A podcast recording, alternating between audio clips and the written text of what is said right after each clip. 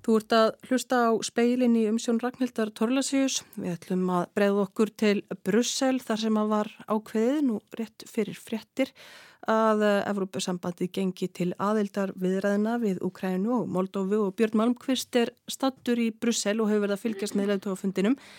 Sæl aftur Björn. Sælvertu. Uh, þetta, er þetta ekki dálítið óvænt að þessi ákvörðun skildi koma, hún skildi koma núna? Jú, það verður nú eiginlega að segjast.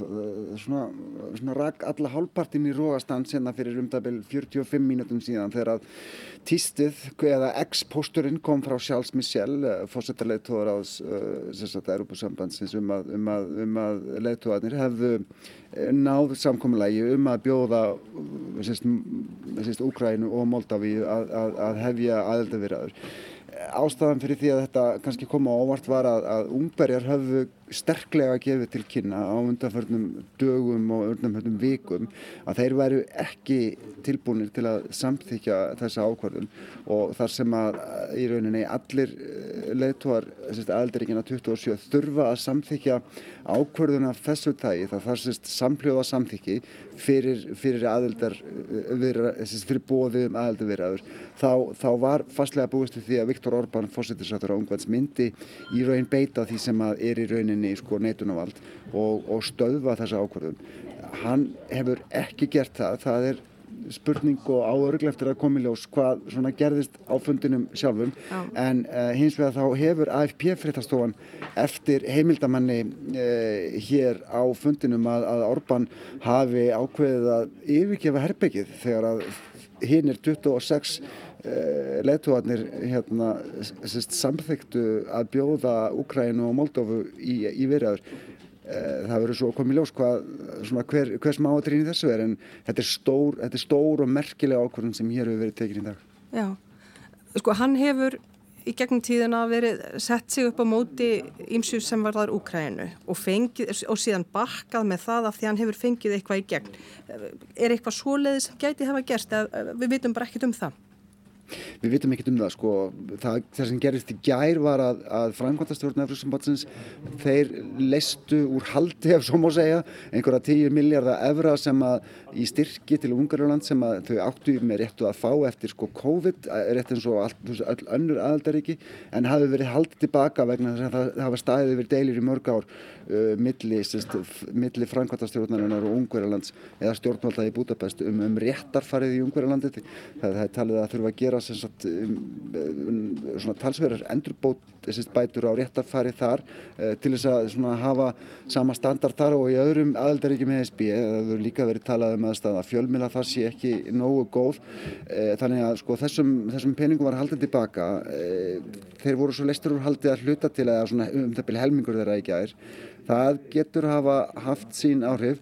Síðan bara getur vel verið að, að sko Orban hafi fengið eitthvað fram til dæmis hvað var það sko fjárveitingar í málefni flóttafólks eða, eða veist, það er líka stort uh, umræðaefni hér og hefur verið. Það getur verið að hann hefur fengið einhverjar svona tilslaganir þar eða, eða meiri peninga eða eitthvað, uh, við vitum það ekki ennþá og það en, kemur en, syns, fyrirgjöf, það, það kemur ljós en sko hvaða þýðingu hefur þetta fyrir Úkrænu að vera bóðið að vera með sko, þetta hefur gríðarlega mikla þýðingu fyrir þá sko, sko ef við tölum aðeins um sko að, sko, sko, Európa-sambandið er er að styrkja sko Úkrænum fjárháslega um, um marga, marga, marga miljardar efra það er talað um 50 miljardar efra að pakka hér yfir næstu fjögur árin.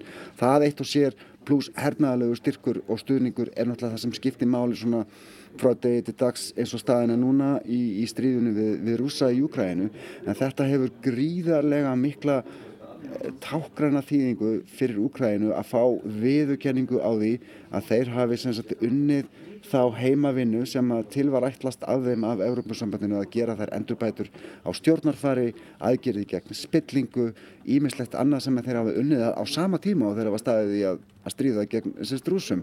Um, þetta er líka staðfestinga á þessum einbeitt að vilja almennings og stjórnvalda í Kiev að, að snúa sér fyrir alvöru og til framtíðar í vestur átt sem er jú það sem að byltingin fyrir tíu árum síðan, mætanbyltingin svo kallega, gekk út á og, og fyrir Evrópussambandi er þetta líka mjög, mjög mikilvægt að standa saman að svona, svona yfirlýsingu vegna þess að sko, vegna þess að Evrópusambandið sjálft sko vill vera alvöru leikandi á sviði alþjóða stjórnmála það þarf að geta tekið svona ákvarðanir samhljóða, það þarf líka að geta sínt sko, eins óskoraða samstöðu við Úkrænu sem er jú það sem að, þú veist, nánast bara sko, stór partur af umræðinu hér í Brussel hefur gengið út á síðan í, í februar í, í fyrra og það hefði verið mjög erfitt að fyrir Európa-sambandið og, og leðtóðana 26 allavega að svona fást við þá stöðu sem upp hefði komið ef að eitt ríki hefði beitt neitunumvaldi gegn þessu. Um, Björn, Pútín er væntalega ekki kátur núna? Nei, sko, hann hefur náttúrulega kannski verið svolítið að stóla á menn eins og Orban, ef að svo má segja, í, í rauðum aðaldaríki Európa-samvansið sem að svona svona, svona mynd einhverjar sprungur í þessari samstöðu sem hefur verið gagvart Úkrænu hérna megin.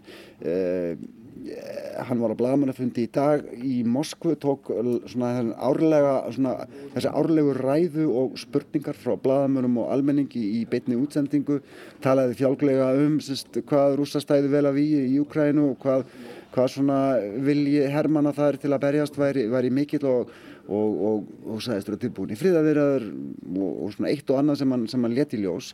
Þetta, þetta er sko veist, hafi hann haldið að að, að, að að, að Ukrænumenn myndi taka því fagnandi að, að, að rússar kemur þar inn og, og, og ég ekki sína áhrif þar þá voru það meðstök Ukræn er að snúa sér í vestur átt til framtíðar uh, og og, verður að, veist, eftir, hvað veit ég, fjögur, fimm, sex ár orðin meðlumur í klubbi ríkja í vestur Evrópu og mið-Evrópu uh, eitt af stærstu ríkjunum reyndar í Evrópu þegar í ESB þegar að því kemur.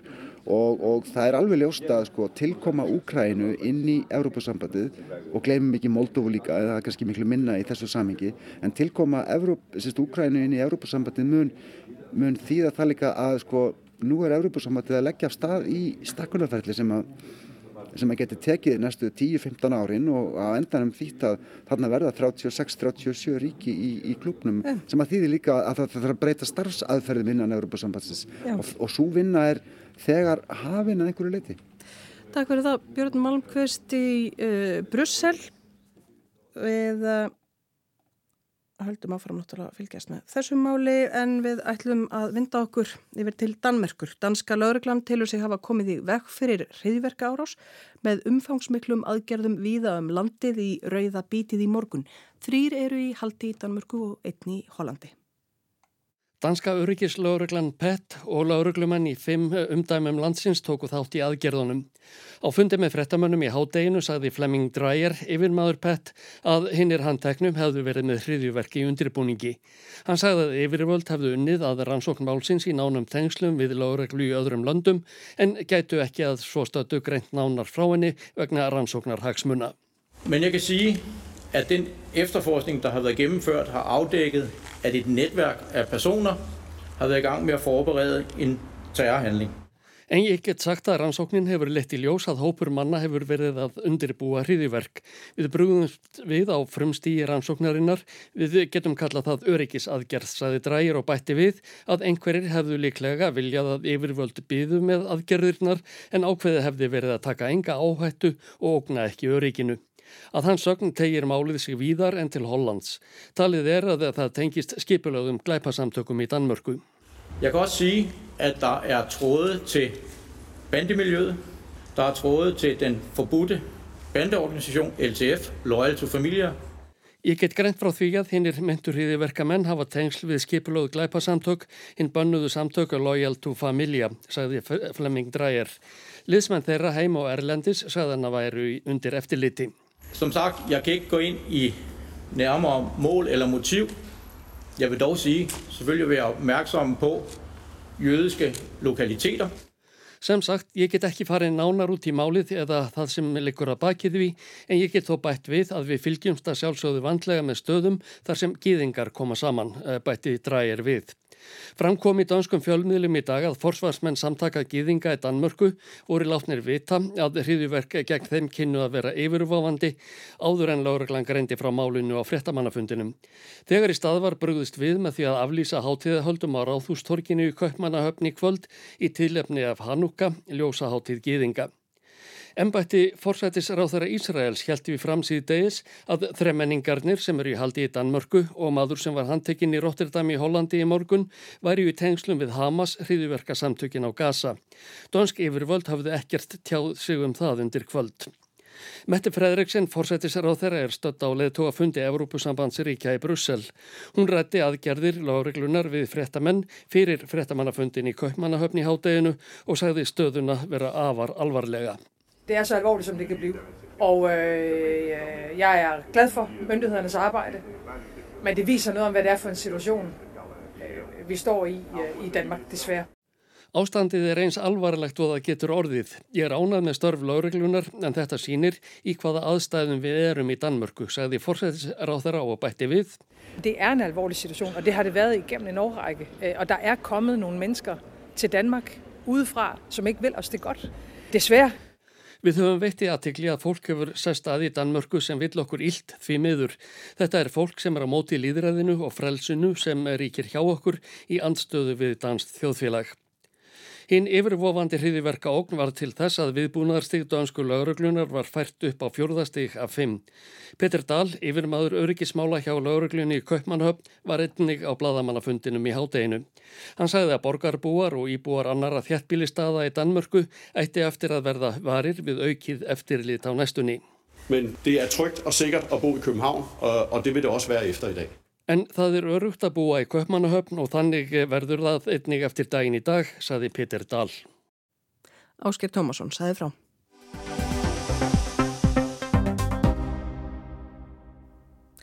Notkun strætó utan höfuðborgarinnar mingaði um tæpan helmingi heimsfaraldrinum og hefur gengið erfiðlega að fjölga farþegum síðan. Framkvæmdastjóri vegagerðarinnar segist þó vongóð.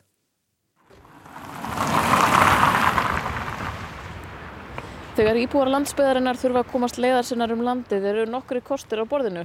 Engabílinn trónir þar á toppnum, hann er og hefur verið lang vinsælasti ferðamáti Íslandinga óháð búsetu. Meiri hluti landsmanna fer flestar sínar ferðir sem bílstjórar í bíl en í kringum 15% fara sem farþegar í bíl. Það þýðir ekki endilega alltaf að þessi bíl á heimilinu Á síðunni samferða.is og hennum ímsu Facebook-hópum kemur einn fjöldi beðina á dag þar sem fólk óskar eftir eða býður far gegn greiðslu, oft fyrir hluta bensinkostnaðar. Frá 2019 hefur vegagerðin reikið stræt og utan höfuborgarinnar. Áður hafðu sveitafélagin farið með reksturinn og vildu ólm losna undan tapinu sem fylgdi honum.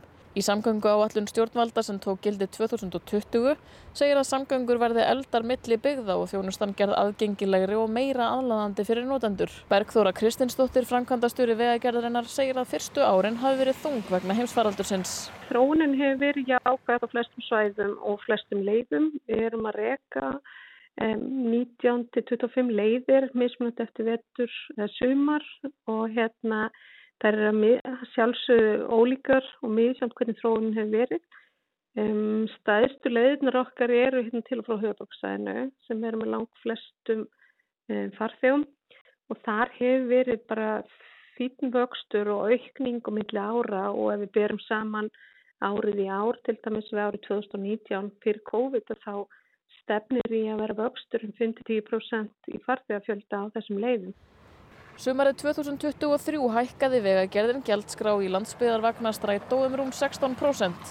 Þeir sem nota strætó til að komast lengri leiðir fundu vel fyrir þeirri hækkun.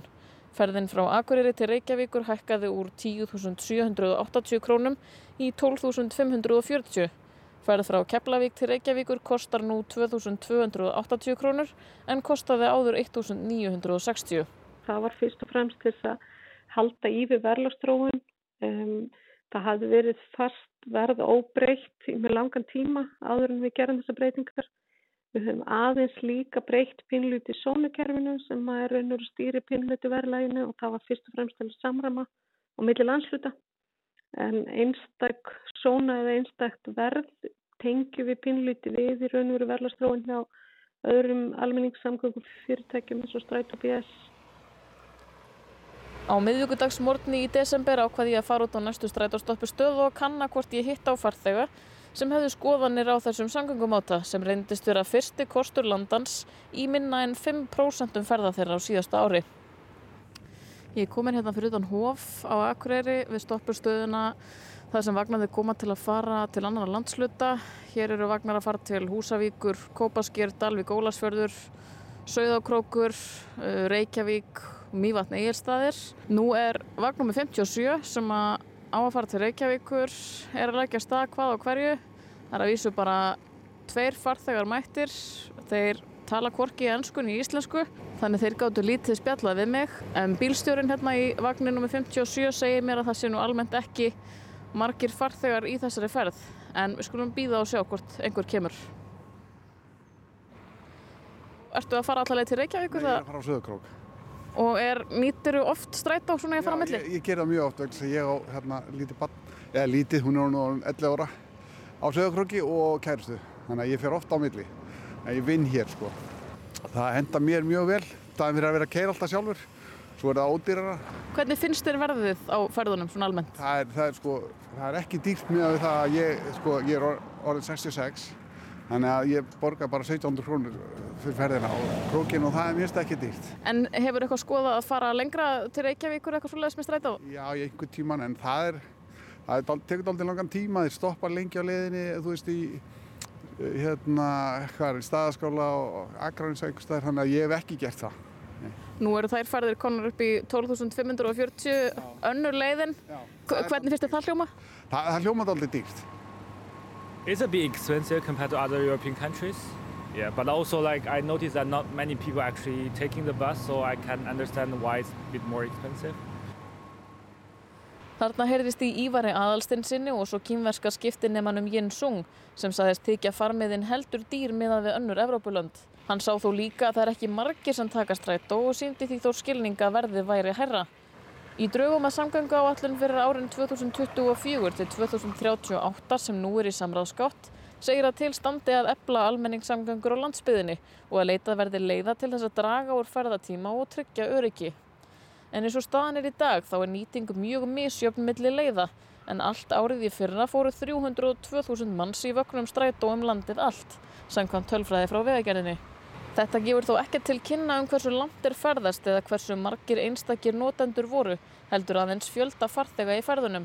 Árið 2017 voru farþegar strætó á landsbyðinni 440.000 eða 140.000 fleiri en á síðasta ári. Í COVID 2020 hrundi farþegafjöldin niður fyrir 200.000. Síðan hefur uppbyggingin gengið hægt. Framkvæmdastjóri vegagerðarinnar segir þjónustun að vera í stöðugri endurskoðun í vonum að notendum fjölki og eitt af því sem nú er verið að skoða sé gjaldskráin. Reykjavík Akureyri er að sjálfsögðu náttúrulega annars að fullu greitt niður af ríkinu sem styrkur og samhengi í kostnaði við aðra ferðamáta er náttúrulega alveg klárt að það er nöðslegt að skoða. Um, við erum með verkefni í gangi sem er heildar endurskoðun á gjaldskranni og uppbyggingu hennar og, og hvernig þetta er sett upp. Þannig að það er svona eitthvað sem að kemur til með að komast í ljósa næstu mánum og skýrast. Bergþóra segir nýtinguna greinilega betri á þeim leiðum sem tengjast borginni og tölurnar sína það líka. Til dæmis voru aðeins 627 sem fórum með leið 59 á síðasta ári sem fer frá Borganesi til Holmavíkur. En hvernig þykir vegagerðinni almennt hafa tiltekist síðan að þau tóku við? Eru nógu margir sem taka strætó? Hvað maður að segja með nýtingu? Það, það er, hvað er vond og hvað er góð nýting? Það er, það er svona spurning hvernig, hvernig maður skilgrana það. Það snýst náttúrulega um það í raun og raun hvað er eðlilegt að það séu margir sem að fara þessa leið og, og hvernig henni mætt. Við náttúrulega vinnum bara eftir stefn stjórnvalda sem er mjög skýr að auka veg almenningssamgangn á landi að hérna, fjölga nótundum í, í samkeislu sem er umhverjusverðni ferðamáti heldur en er og allir séu einir í einhver bíl. Og Ólaf Rún Erlendsdóttir tók saman og rætti þennan við Bergþóru Kristinsdóttur. En fleira er ekki í speiklinum í kvöld, tæknimaður var Mark Eldritt verði sæl.